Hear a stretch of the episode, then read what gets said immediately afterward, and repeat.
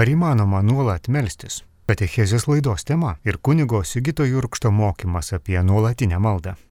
Gerbėjai Kristui, mėly Marijos radio klausytojai, šiandieną norėjau su jumis kartu pamastyti apie maldą, dar daugiau apie nuolatinę maldą. Kartais mes klausiam savęs ar kunigų, ar Biblijoje parašyta, kad reikia nuolat melstis.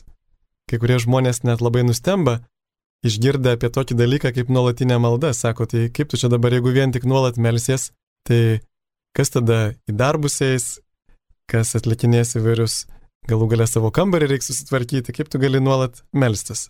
Iš pradžių pažiūrėkime, ką Jėzus kalba apie nuolatinę maldą.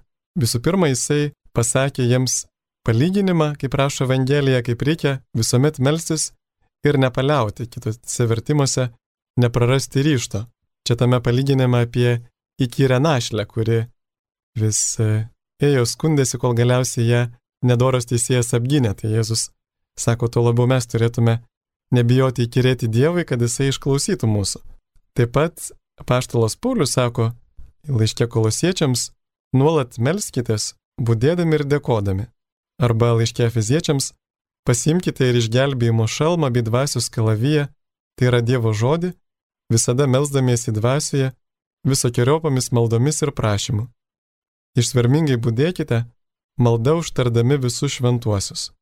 Taigi, vėlgi, jeigu man malda yra malonus dalykas, visą laiką galvosiu, na kaip aš galėčiau daugiau melstis.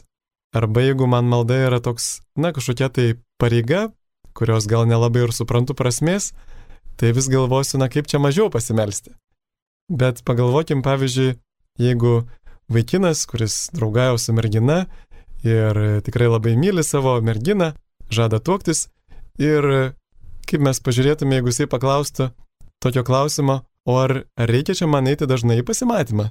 Turbūt būtų kvailas klausimas, ar ne, nes jisai norėtų kuo dažniau ateiti į pasimatymą su savo mylima mergina. E, panašiai ir su visais santykiais turbūt. Kai mums tas žmogus yra brangus, mes norim kuo dažniau susitikti, kai nemalonus, tada stengiamės kuo rečiau.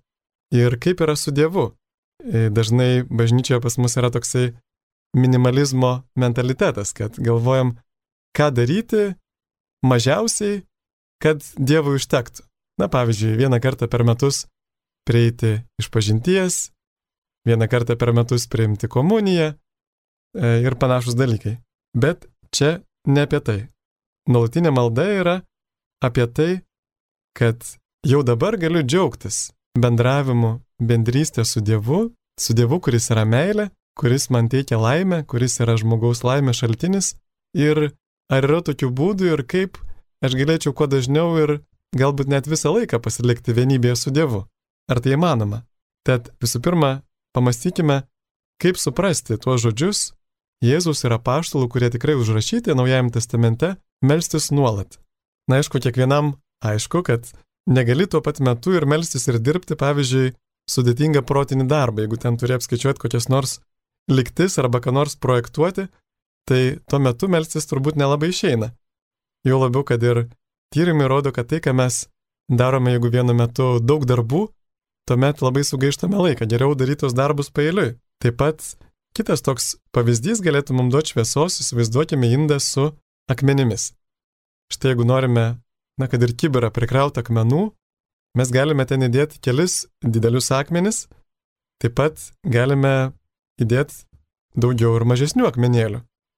Netgi galime pripilti smėlio grūdelių labai daug ir netgi kaip viename filmuke minutė su vienuoliu rodoma galime net ir užpilti alaus butelį dar jis tilptų į tą, į tą kiberą su akmenimis. Tai panašiai ir su mūsų malda mes negalime daug kartų pasimelsti labai ilgai. Arba kažkokią ilgesnę maldą tikrai turime pareigų darbų, bet šalia tų ilgesnių maldų mes galime atokvėpę tokias turėti valandėlės, šiek tiek keliom minutėm išeiti. Kaip pavyzdžiui, žmonės išeina parūkyti, mes galime išeiti pasimelsti ir, kas tie smėlio grūdeliai, mes taip pat galėtume pripildyti savo laiką, kada esame mažiau įtempti darbuose, kokiomis nors trumpomis maldomis, pavyzdžiui. Arba tas alus, arba kažkoks tai, e, na tai, kas užpildo ir tą likusį laiką galėtų būti tiesiog mūsų meilės jausmas, tiesiog prisiminimas Dievo. Atminimas, kad Dievas yra čia arba žvelgimas į Dievą. Tad grįžtant prie tų didelių akmenų, tų tokių stambesnių maldos laikų, bažnyčios siūlo, bažnyčia mums siūlo visų pirma ryto ir vakaro maldą, taip pat maldas prieš valgį, po valgio, ar tai panašu į nuolatinę maldą, geriau negu nieko. Šventoji Faustina sako, kad jei neskiriu laiko vien Dievui, tuo laiko, kuris skirtas maldai, jeigu neišbūnu susikaupusi, tuomet pasidaro vienytis sunku su Dievu ir darbuose. Jis rašo būna išsiblaškiusi. Bet jeigu pasimeldžiu tam skirtų metu, tuomet ir melstis darbuose, pavyzdžiui, dirbant kokį nors rankų darbą, e, įmanoma. Ir netgi Dievas teikia tam malonį įkvėpimą. Bažnyčios tradicija dar įkvėpimo apie nuolatinę maldą sėmėsi iš 118 psalmės, kurioje rašome septynis kart per dieną tave šlovinu. Šventasis Benediktas to pagrindu sukūrė savo regulą, tapusią vienuoliškų bendruomenių kelrodžių. Štai benediktiniškoje reguloje yra septyni laikai maldai, septynios maldos, na, kabutėse valandos. Aušrinė, pirmoji arba ritmetinė valanda, trečioji, šeštoji, devintoji, vakarinė ir naktinė. Netgi tos valandos turi nustatytus laikus. Pavyzdžiui, kaip žydai jie skaičiuodavo dienos pradžią nuo 6 valandos, tai tarkim aušrinė būtų pavyzdžiui 6 valandą, tuomet pirmoji diena jau būtų pirmoji valanda 7 valanda, nuo 6 trečioji tai 9, 6 12 valanda, paskui 9 valanda, nuo 6 valandos skaičiuojant 15 valanda, vėliau vakarinė ir naktinė prieš miegą. Ir laimiai, dabar mes jau turime liturginės valandas, pilną versiją internete, kiekvienam prieinama, nebereikia e, mokėti daug pinigų už tą storą knygą liturginių valandų, keturių tomų. Galime kiekvienas kasdieną paskaityti vl.katalikai.lt. Valandų liturgija. Na, tie žodžiai vl.katalikai.lt. Ir toji valandų liturgija yra pagrindinė bažnyčios malda, privaloma kunigams ir vienuoliams, bet rekomenduojama ir visiems pasauliečiams. Tai yra ne šiaip savo malda, bet tai yra liturgija vieša tarnyba bendram labai. Netgi galime sulyginti su sakramentais, kada mes melžiamės ir kartu viešai Dievo tarnyboje.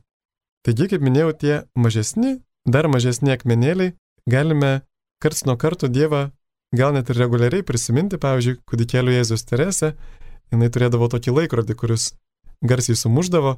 Pas mano tetą irgi buvo toks laikrodis, neįsivaizduoja, kaip žmonės miega, su tokiais laikrodžiais, bet jisai labai garsiai sumuždavo kas valandą. Tai štai mes, jeigu turėtume tokį laikrodį, galėtume, e, kai tik laikrodis sumuša, prisiminti, kad štai dabar atsitraukiu nuo maldų ir galiu prisiminti Dievą. Tie dar mažesni akmenėliai, jau galėtume sakyti smėlio grūdeliai, yra tos strėlinės maldos. Mūsų tėvas Stanislavas nemažai apie juos yra kalbėjęs ir rašęs, ir strėlinė malda kaip tik ir padeda vienytis su Dievu tada, kada protas užimtas, kada rankos užimtos, e, galva užimta įvairiais darbais. Ir mes galime turėti tokias trumpas strėlinės maldas, galime ją keisti, galime visą laiką turėti tą pačią, e, galime kaip tą strėlinę maldą pasirinkti, pavyzdžiui, iš tos dienos paskaičius Evangeliją, kokią nors įstrigusią eilutę ar frazę, e, galime tiesiog priimti tuos Jėzaus žodžius šventai Faustinai, Jėzau pasitikiu tavimi, ant to paveikslo užrašytus, ar kaip pavyzdžiui, rusų ortodoksų tradicijoje yra žinoma viešpaties malda. Tai būtent tie žodžiai, kuriais Jėzų kreipiasi e, ligoniai prašydami išgydymo, viešpatie Jėzų Kristau, Davido sūnau, pasigailėk manęs nusidėlio. Arba viešpatie Jėzų Kristau, gyvojo Dievo sūnau, pasigailėk manęs nusidėlio.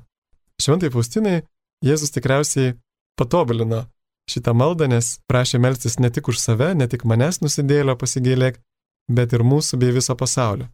Jonas Paulius II vienoje enciklikoje rašė ir jis taip mėgdavo melstis tokia strėlinė malda - Jėzau pasitikiu tavimi, pasigailėk mūsų ir viso pasaulio.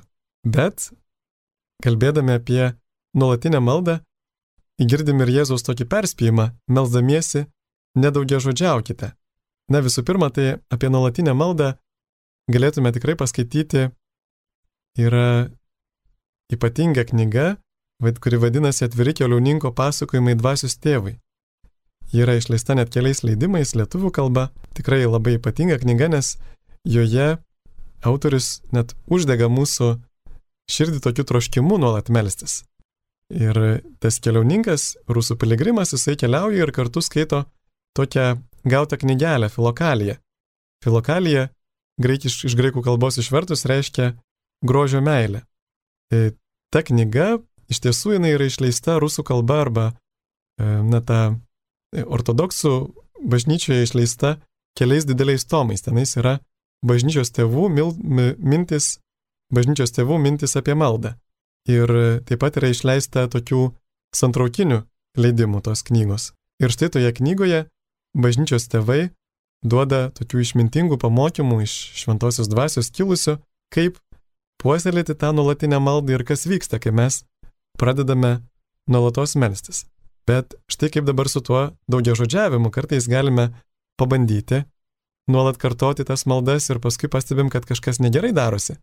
Viena vertus pastebim ir tą ypatingą Dievo malonę, kita vertus matom, kad yra sunku ištverti, nuolat kartoti tas maldas ir atsibosta. Ir kitas dalykas dar pastebim, kad kartais tas nuolatinis kartojimas e, neleidžia mums ir pamastyti, nebeturim tarsi laiko pamastyti, nes turi maldą kartoti. Arba netgi įveda į tokią būseną, kad mes nebesugebam klausytis, vien tik tai kalbame. Tai čia ir galioja tas Jėzus perspėjimas, melzdamiesi nedaugia žodžiaukite. Čia mes turim labai vertingą karmelitų šventųjų tradiciją, ypatingai Teresė Vilietė, kryžiaus Jonas. Pavyzdžiui, šventoji Teresė Vilietė rašo, kad žodinė malda mus taip veda į kontempliaciją ir žodiniai maldoj tai yra mūsų pastangos melstis vienytis su Dievu, mes tarsi ir kluojam. Bet štai ateina laikas, kada mus pradeda nešti srovė ir mes turime leistis Dievo nešami. Jau tada pagrindinis veikėjas maldoja su ne aš, bet Dievas. Ir Teresė Vilietė rašo, kad pagrindinė kliūtis priimti šitą Dievo, iš Dievo kylančią kontempliacijos dovaną yra būtent tas mūsų nesugebėjimas nutilti, neatsiliepimas į ramybės maldą, kada štai mes melžiame žodinę maldą ir Dievas mums įkvepia tokį troškimą pabūti toj saldžioj tyloj, pabūti toje ramybėje. Bet mes sakome, ne, vis tiek aš turiu kartot savo maldas ir toliau melžiuosi ir nekreipiu dėmesį į tą tylą. Tai štai per tai aš nepriimu kontempliacijos dovanos ir Dievas nebegali manęs vesti gilinį maldą, aš taip ir pasilieku toj, tose pirmose maldos vienybės su Dievu, bendrystės su Dievu pakopose. Todėl ir Tomas Kempietis, Kristaus sėkimo, tos žymas knygos autorius, mums išmintingai patarė neprisimti per daug žodinių maldų, žodinių pamaldumų, bet geriau turėti jų mažiau ir ištiesėti ir kad ta malda būtų gilesnė. Netgi va tos maldos, kurios yra kartojimo maldos, jos yra gilesnės, jos yra širdies maldos. Turime palikti vietos mal mūsų maldos laikė Dievui įveikti. Ir tą didžiulį pavojų Šventas kryžiaus Jonas įvardyja kaip dvasinį godumą prisimti visko per daug. Per daug pamaldumų, per daug paveikslų, per daug knygų skaityti vienu metu. Ir tuomet rūpestis mūsų tampa ne Dievo ir jo valios ieškoti, bet kaip čia dabar aš atkalbėsiu tas maldas, kurias prisijimu. Aš taip jau pavargau, jau noriu eiti mėgot, bet dar turiu krūvą maldų atkalbėti. Ir aišku, jau tokioje situacijoje, na, tiesa, mes galim ugdyti ištikimybę Dievui ištverme, bet kita vertus jau mums darosi sunku skirti laiko Dievui, e, klausytis, ką Dievas kalba, tik tai skubam kuo greičiau savo maldas užbaigti. Ir, kaip sako šventas Pranciškus Salezas, geriau yra sukalbėti nuoširdžiai vieną maldą, negu šimtą bet kaip. Čia galim padėti toksai palyginimas apie žirnius. Mes galim labai daug žirnių pririnkti, bet paskui pastebėti, kad štai didžioji dalis jų sukirmyje ir netinkami. Tai mes irgi galim berti tas savo maldas kaip žirnius į sieną, bet paskui paaiškėja, kad tos maldos buvo nenoširdžios ir Dievo nepasiekė. Taigi, jeigu paraidžiui mes įgyvendiname tą nuolatinę žodinę maldą, mes rizikuojame tapti kalbančiais ir nesiklausančiais. Argi gali būti kas blogiau už pašnekovą, kuris vien kalba, neužsičiaupdamas ir neleidžia nei žodžiai įterpti. Taip panašiai turėtų ir Dievas jausti su mumis, kada mes jam tik tai tarškame ir neleidžiame jam įsiterpti. Taigi malda nėra tik tai kalbėjimas Dievui, e, maždaug Dieve pasiklausyk, ką aš tau kalbėsiu, tu dabar tylėk, bet visų pirma tai yra bendravimas su Dievu ir visų pirma yra Dievo žodžio klausimasis. Pirma Dievas kalba, paskui mes į jį atsiliepiame, mes dažnai norim viską atvirkščiai. Dievas kalba per jo žodį, per tylą, per šventosius dvasius įkvėpimus. Kaip sako šventoji Faustina, ta siela, kuri moka tylėti, viduje tylėti. Nereiškia, kad jinai visą laiką tyli, su žmonėmis nebendrauja, bet kuri išlaiko tą vidinę meilės tylą, jinai nuolat gali sekti šventosios dvasios įkvėpimais, jos girdi, jos jaučia ir joje pilna darybių, bet ta siela, kuri viduje dūzgia kaip tranas, kuris neneša medaus, tik triukšmauja, tuomet toje sieloje, kaip prašo šventoji Faustina, netgi negali būti ir jokių darybių, negali būti ir tų dvasinių vaisių. Tas dvasinis triukšmas, vidinis triukšmas yra labai didelis maldos priešas. Kaip šventasis kryžiaus Jonas mus moko pasitelkdamas paukščio pavyzdį, palyginimą. Štai paukščiai, kurie iškyla labai aukštai, jie iš pradžio plasnoja, plasnoja tais sparnais, o paskui sklendžia. Panašiai ir mes, va, kaip kokie realiai galėtume pakilti į maldą, žodinę maldą ir paskui e, nebūtinai skubėti šimto žodžių tarti, bet galbūt ištarti vieną žodį ar keli žodžius ir būti toje vienybėje, bendrystėje su Dievu, juk tie žodžiai tam ir reikalingi, kad mūsų dėmesį atitrauktų nuo to, kas blaško ir sutelktų į Dievą, kad mūsų protas nesiblaškytų, bet galėtų pasilikti. Kaip Jėzus sako, pasilik, pasilikite mano meilėje. Ir Šventasis Augustinas sako, kad nuolatinė malda gali būti ne tik nuolatinis kalbėjimas Dievui, bet ir labiau nuolatinis Dievo alkis. Troškimas, prisiminimas Dievo akivaizdos. O šventą Kotryną Senietę Dievas mokė vienytis su juo per meilės jausmą. Jis sakė, kad tu tiesiog mylėk mane savo jausmu, tiesiog mylėk kaip myli žmogų ir nuolatos pasilik toje meilėje. Meilės jausmas taip pat gali mus ir labai vienyje su Dievu, net Šventasis Sulanas yra pasakęs, kad mylėti Dievą jokiam darbui netrukdo. Ta pati kalba ir turbūt praktikavo ir Šventasis Arso klebonas Jonas Marija Vienėjus. Jo yra ta garsioji malda, mano Dieve, jei mano ležuvis negali kiekvieną akimirką pasakyti, kad aš myliu tave, noriu, kad mano širdis kartotų tau tai tiek kartų, kiek kartų aš atsikvepiu. Mano Dieve, būk maloningas, leisk man kentėti tave mylint ir mylėti tave kenčiant. Aš myliu tave, dieviškasis išganytojau. Todėl, kad tu buvai dėl manęs prikaltas prie kryžiaus. Būk man maloningas leisk, kad mirties valandą mylėčiau tave ir jausčiau, jog myliu. Ir nors labai svarbi mūsų meilė Dievui, tai yra beje pirmasis įsakymas, kurį mes dažnai pamirštam, e, kaip tie išmintingi fariziejai, kurie labai rūpinasi iškošti uodą, bet praryja kupranugarį. Taigi mes labai rūpinamės bažnyčią priklaupti, labai rūpinamės nusimti kepurę ar uždegti žvakutę, bet pamirštam tą patį svarbiausią Dievo įsakymą mylėti Dievą visą širdimi, visų protų, visomis jėgomis. Ir kaip tą meilę supranta pats Dievas, be abejo, meilės jausmo neužtenka. Meilė turi būti tiesoje, o tai reiškia ne tik Dievą mylėti, bet ir prašyti jo gailestingumo. Jam dėkoti, garbinti, prašyti malonių savo ir kitiems. Dar Jėzus yra sakęs, jei kas mane myli, laikysis mano žodžio. Ir mano tėvas jį mylės. Mes pas jį ateisime ir apsigyvensime. Taigi meilė apima Dievo žodžio apmąstymą ir klusnumą jam. Jėzus sako, kas pripažįsta mano įsakymus ir jų laikosi, tas tikrai mane myli. Taigi, meilė Dievų būtinai turi apimti ir meilę artimui. Jei kas sakytų, aš myliu Dievą, o savo brolio nekestų, tasai melagis, sako paštalas Jonas. Kas nemyli savo brolio, kurį mato, negali mylėti Dievo, kurio nemato. Ši meilė artimui turi būti ne žodžiu ar liežuviu, bet darbu ir tiesa. Sako paštalas Jonas, vaikeli, nemylėkite žodžiu ar liežuviu, bet darbu ir tiesa. Meilė turi apimti beje ir piniginę. Kaip sako šventas popiežius, na dar ne šventas, bet popiežius Pranciškus. Ir paštalas Jonas taip pat rašo, jei kas turėtų pasaulio turtų ir pastebėjęs vargo spaudžiamą brolį, užrakintų jam savo širdį, kaip jame pasiliks Dievo meilė. Šventasis Siluanas netgi siūlo dalyti išmaldą ir tai laiko vienu iš būdų įvykdyti nuolatinę maldą, nes jisai sako, kad kai tu duodi išmaldą vargšui, jis melsis už tave.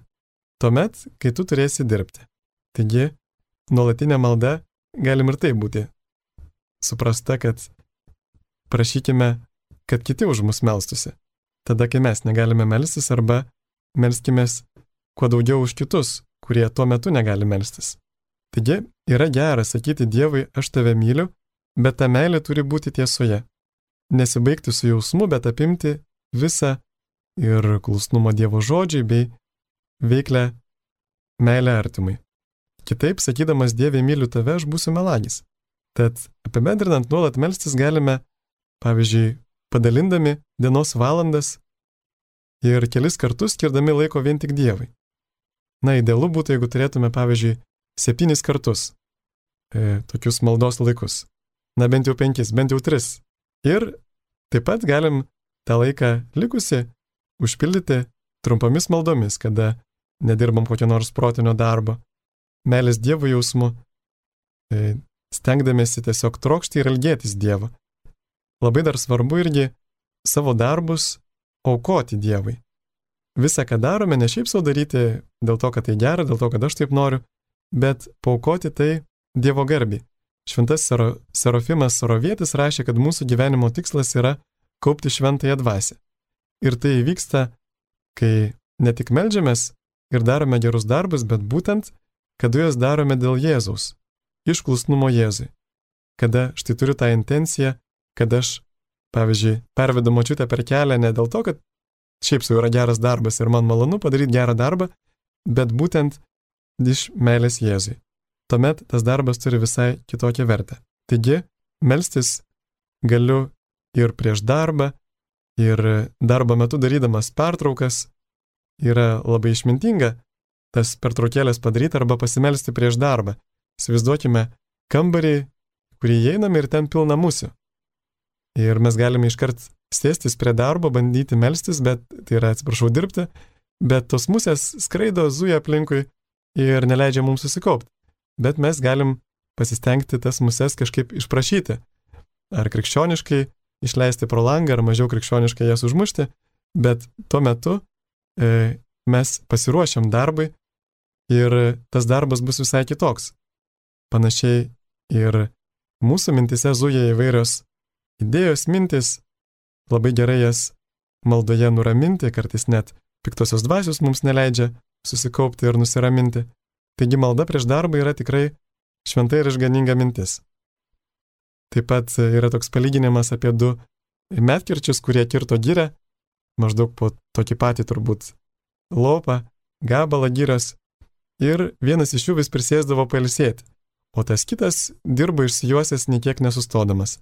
Ir galiausiai Ką jūs pasakysit, pirmas baigė būtent tas, kuris prisėsdavo pailsėti.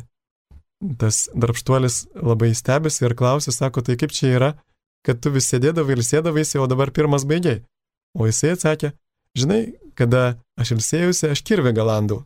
Tai panašiai ir mes, kada prisėdame melstis, mes pailsime nuo darbo. Kada einame dirbti, pailsime nuo maldos. Ir tokiu būdu mūsų ir malda būna aštresnė ir darbas taip pat tolesnis. Na bet vis tiek galėtume dar klausti savęs, o iš tikrųjų kodėl turėtume nuolat melstis? Kam taip stengtis? Ar negeriau, pavyzdžiui, skirti tą laiką kokiem nors geriems darbams, ar negeriau, pavyzdžiui, mažiau pasimelsti, o daugiau gero padaryti? Ir galų galę ar neturėtume duoti Dievui palsėti, juk irgi, kaip jam įmanoma šitiek milijardų žmonių nuolat klausytis. Na, aišku, čia kalbu su jumoru, nes tikrai Dievas yra kitoks negu žmogus. Tai man patinka tas pavyzdys apie kompiuterio serverį, kuris vienu metu gali aptarnauti šimtus, net tūkstančius, net milijonus vartotojų. Tai jeigu žmogaus kūrinys gali vienu metu bendrauti su milijonais, tai būkime tikri, kad Dievas taip pat gali. Jo labiau, kad pas Dievą, kaip sakome, nėra tokio laiko, kokį mes turime. Dievas vienu metu gali bendrauti su visais. Taigi, Kodėl turėtume nuolat melstis? Visų pirma, tai mes gyvename ne šiaip savo ramų laiką, kada nėra karų, ačiū Dievui, bet vis dėlto vyksta dvasinis karas, mes išgyvename dvasinę kovą dėl žmonių sielų tarp Jėzaus ir Šetono, ir Jėzus yra sakęs, būdėkite ir melskitės, kad nepatektumėte į pagundą. Dvasia ryštinga, bet kūnas silpnas. Apaštalas Petras irgi sako, būkite blaivus, būdėkite. Jūsų priešas velnės kaip remontis liūtas lankioja aplinkui, tikodamas ką praryti. Aišku, neturėtume bijoti tų pagundų, neturėtume matyti ant kiekvieno kampo pavelnę, bet turime būdėti. Kaip rašo irgi apaštalas Paulius laiškė filipiečiams, darbuokite savo išganimui su baime ir drebėdami, na kitaip sakant, iš tikro širdies ir stropios sąžinės, nes Dievas iš savo palankumo skatina jūs ir trokšti ir veikti. Pavyzdžiui, greitosios pagalbos darbuotojai, jie kartais labai skuba. Ir jeigu jie neskubėtų, žmonės numirtų. Jie nesuspėtų suteikti pirmosios pagalbos ir žmogus iškeliautų pas viešpatį anksčiau laiko. Bet pagalvokime, kiek daug yra tokių žmonių, kuriems reikia reikalinga pirmoji dvasinė pagalba, kurie pavyzdžiui miršta be atleidimų, be sakramentų, be išpažinties, net nesigailėdami, nepažindami Dievo. Ir kaip tokiems žmonėms reikalinga Dievo malonė, kažkieno malda. Kaip jiems reikia, kad kažkas juos užtartų. Taigi, jeigu mes pasiliekame vienybėje su Dievu, su Jėzumi, mes esame saugus, tada pergalė visada mūsų pusėje. Ir ne tik mūsų, bet ir tų, už kuriuos melžiamės. Bet e, net, net tada, kai Kai dar Jėzus nebuvo atėjęs ir nugalėjęs šetoną, jau tada Dievas vis tiek kalbėjo kainui, jei gero nedarai, o svarbu daryti gerą ir netenginiauti, taigi jei gero nedarai, prie durų iš pasalų tykoja nuodėmė.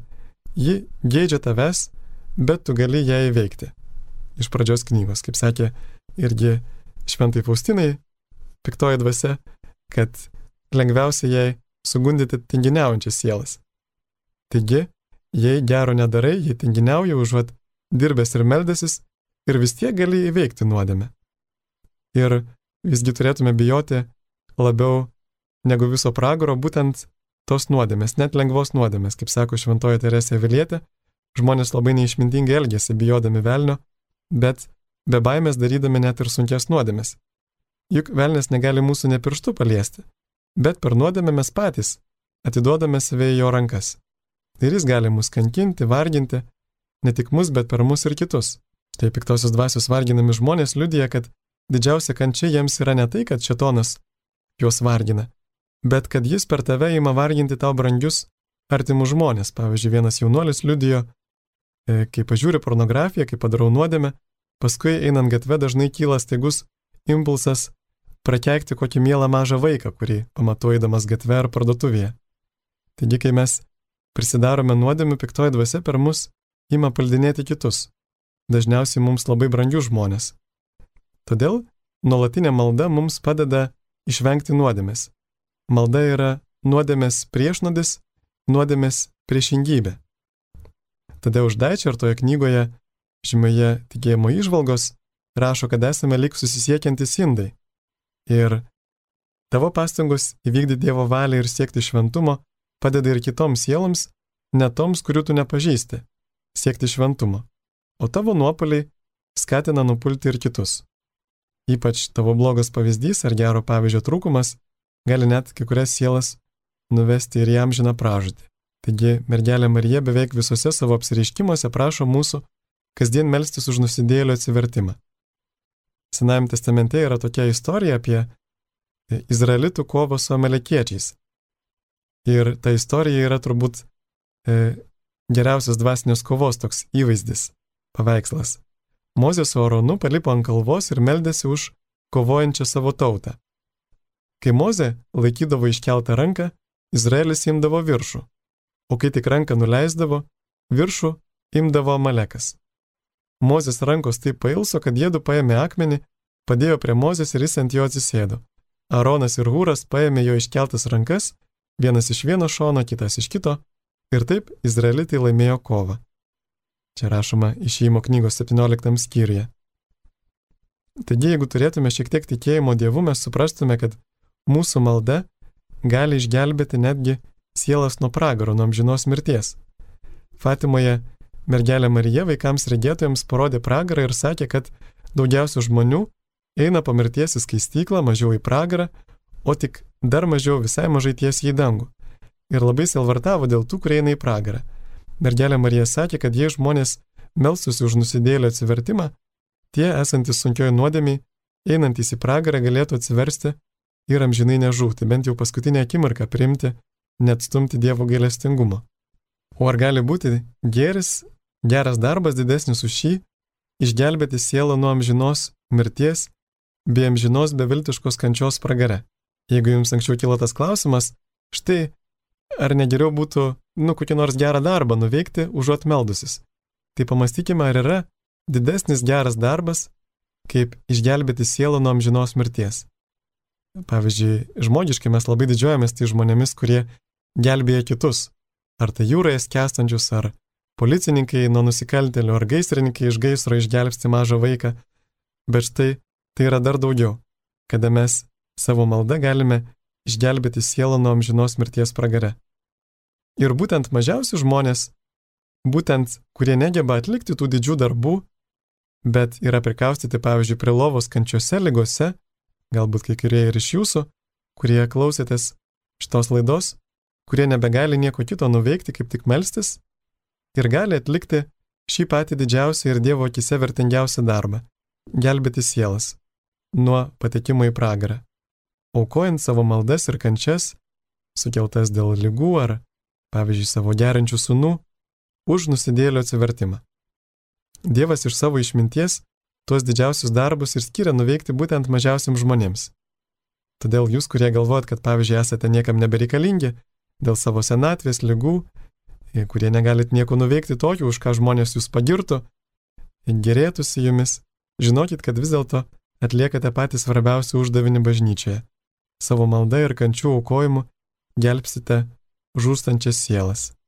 Be to, kuo ilgiau mes būname, pasiliekame su Dievu, Mes ne tik, vykdome jo įsakymą, bet ir tampame panašesni į jį. Kai Mozė grįždavo pamaldos, jo veidas švitėdavo. Mes, išlikdami Dievo meilėje, taip pat pamažu tampame jo meilės atspindžiais. Imame liudyti jį savo gyvenimu net ir be žodžių, ten, kur esame. Savo džiaugsmu, ramybę kylančių iš meilės. Motina Teresė sakydavo, kad džiaugsmas yra tinklas, gelbėti sieloms. Jei tik mūsų meilė Dievui ir artimui būna tikra. Ir tokia yra Jėzus valia. Jis sakė, pasilikite mano meilėje, pasilikite manyje, tai ir aš jumise pasiliksiu. Kaip šakelė negali duoti vaisiaus pati iš savęs, nepasilikdama vynmedyje, taip ir jūs be vaisiai nepasilikdami manyje. Taigi per nuolatinę maldą mes pasiliekame vienybėj su Jėzumi ir ne tik esame apsaugot nuo nuodėmės, bet ir galime jį liudyti kitiems savo gyvenimu, duoti šventosios dvasios vaisių meilės, ramybės, džiaugsmo, kantrybės, malonumo kitiems, gerumo, ištikimybės, romumo, susivaldymo, tų vaisių, kurie beje ves į amžinai išliekančius vaisius, tai yra į žmonių atsivertimą, kai iš vienos šakelės, manęs, išaugo kitos vaisingos šakelės, kurios irgi duoda vaisių. Iš jų išaugo kitos šakelės. Tai yra Dievo troškimas, kad mes duotume šitų vaisių, kurie paskatina mus atsiversti. Taigi, kas mums padėtų išlaikyti tą nuolatinę maldą, kuri, kaip suprantame, nėra toks jau paprastas, akivaizdus ir lengvas dalykas. Be abejo, šventoji dvasia. Negerai padariau, kad apie ją nepradėjau kalbėti, nes būtent šventoji dvasia yra maldos mokytoja, maldos įkvėpėja. Kiekvienu metu melskitės dvasioje visokiojopomis maldomis ir prašymais, be paliovos būdėkite, malda, užtardami visus šventuosius, rašo paštalas Paulius. Taigi šventoji dvasia yra pati didžiausia dovana, kurią Dievas nori mums duoti. Maldingumo dovana padaro maldą džiuginančią, mielą, gaivinančią, na panašiai kaip pavyzdžiui laivas ar jachta, kuri plaukia jūroje, na galima ją ir kluoti, kažkaip bandyti irtis su ją, bet galima ir pagauti srovę arba pagauti vėją, brizą, kuris tiesiog ją neša. Tai panašiai ir su mūsų malda, kurią neša šventoji dvasia.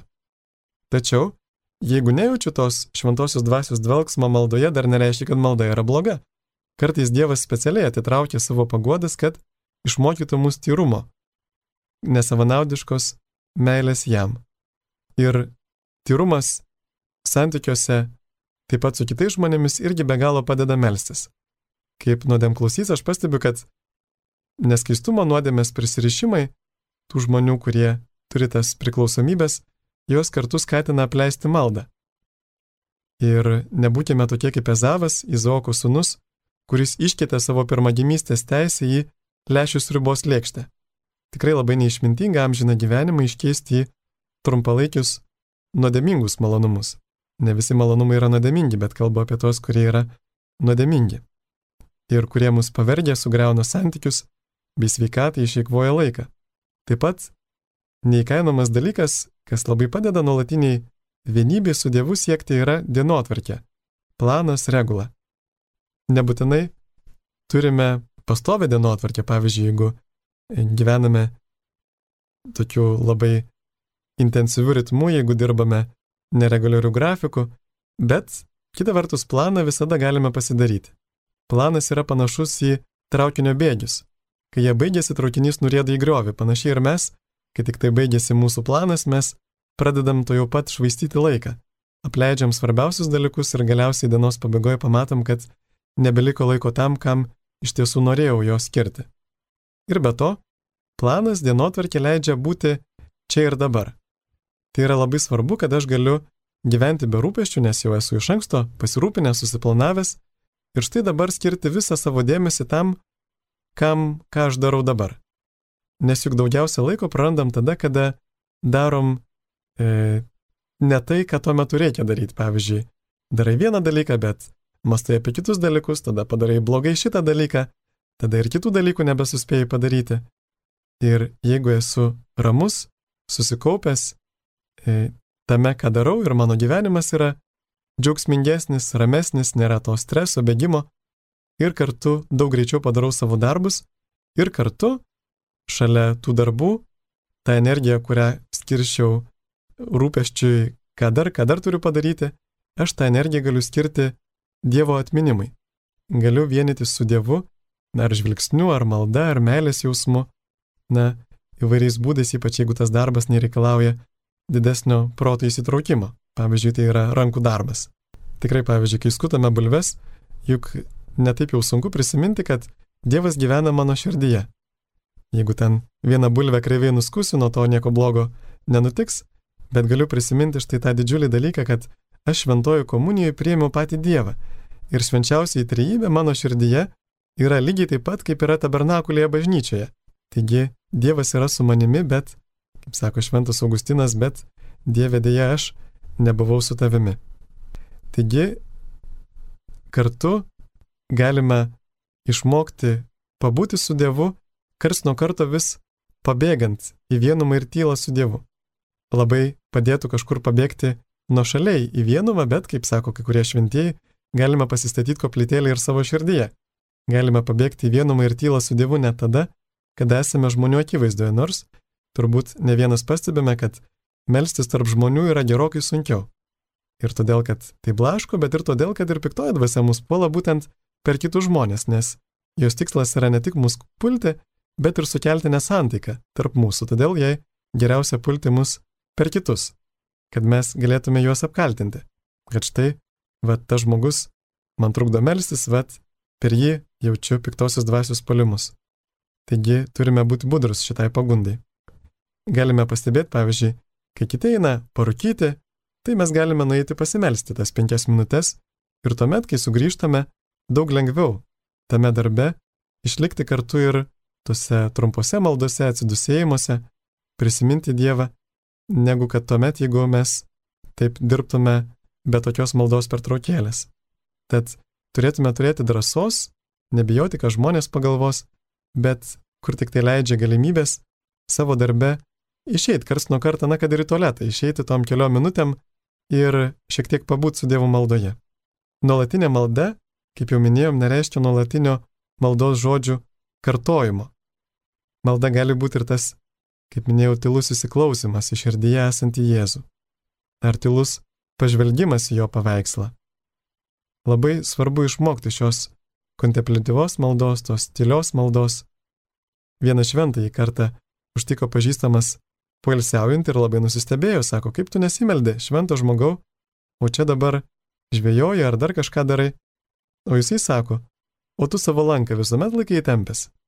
Na nesako, kartais atleidžiu, kad paskui būtų geriau įtemptas. Taip ir aš sako, kartais atleidžiu savo protą, kad paskui galėčiau uoliau ir karščiau melstis. Kaip sakydavo šventoji motina Teresė, tylos vaisius yra malda, maldos vaisius yra tikėjimas, tikėjimo vaisius yra meilė, meilės vaisius yra tarnystė, tarnystės vaisius yra ramybė. Kuo labiau paliksime save, savo rūpešius ir leisime šventai dvasiai širdies tyloje mus vesti, mums priminti kitus, tuo stipriau mūsų gyvenime išsiverš maldos versmi. Prisiminsime, kad turime tėvus, už kuriuos per mažai melžiamės, kad turime vaikus, krikštatėvius, krikšto vaikus, kad kunigams, sieloms keistykloje, mirštantiem nusidėlėm be galo reikalinga mūsų malda. Tad leiskime šventai dvasiai mus vesti maldos keliu, tobulumo keliu, į tobulą vienybę su Dievu ir kartu į tobulą Dievo ir artimo meilę, kuri mus nuves, netgi kaip prašo Šventoji Teresė Vilietė, į dvasinę santuoką su Dievu. Galime taip pat ir netmesti ir prisiminti mūsų tą pamėgtą rožinio maldą. Pavyzdžiui, kartą Švento Tėvo Pijaus paklausė, sako, tai tu jau kilintą rožinį meldiesi? Na, sako, jau 18 tą dieną. Tai nereiškia, kad rožinis negali būti mūsų nuolatinė malda, prisimenu švento atminimo kunigą Pranciškų Tamulevičių, e, seminarijos ilga, ilgametį dėstytoją, kai eidavau pro šalį, pro jį vis girdėdavau, kaip jis eidamas gatve šnapžda Sveika Marija, malonės pilnoji. Tad ir mes prašykime mergelės Marijos, maldos mokytojos, kad padėtų mums vis labiau pamilti Dievą, pamilti maldą ir tokiu būdu įveikti savo gyvenime bet kokią nuodėmę, nugalėti šetoną ir užsitikrinti savo Dievo artimo meilę bei laimę amžinybėje ir net šiame gyvenime. Amen. Kunigas Jugitas Jurkštas kalbėjo apie nuolatinę maldą.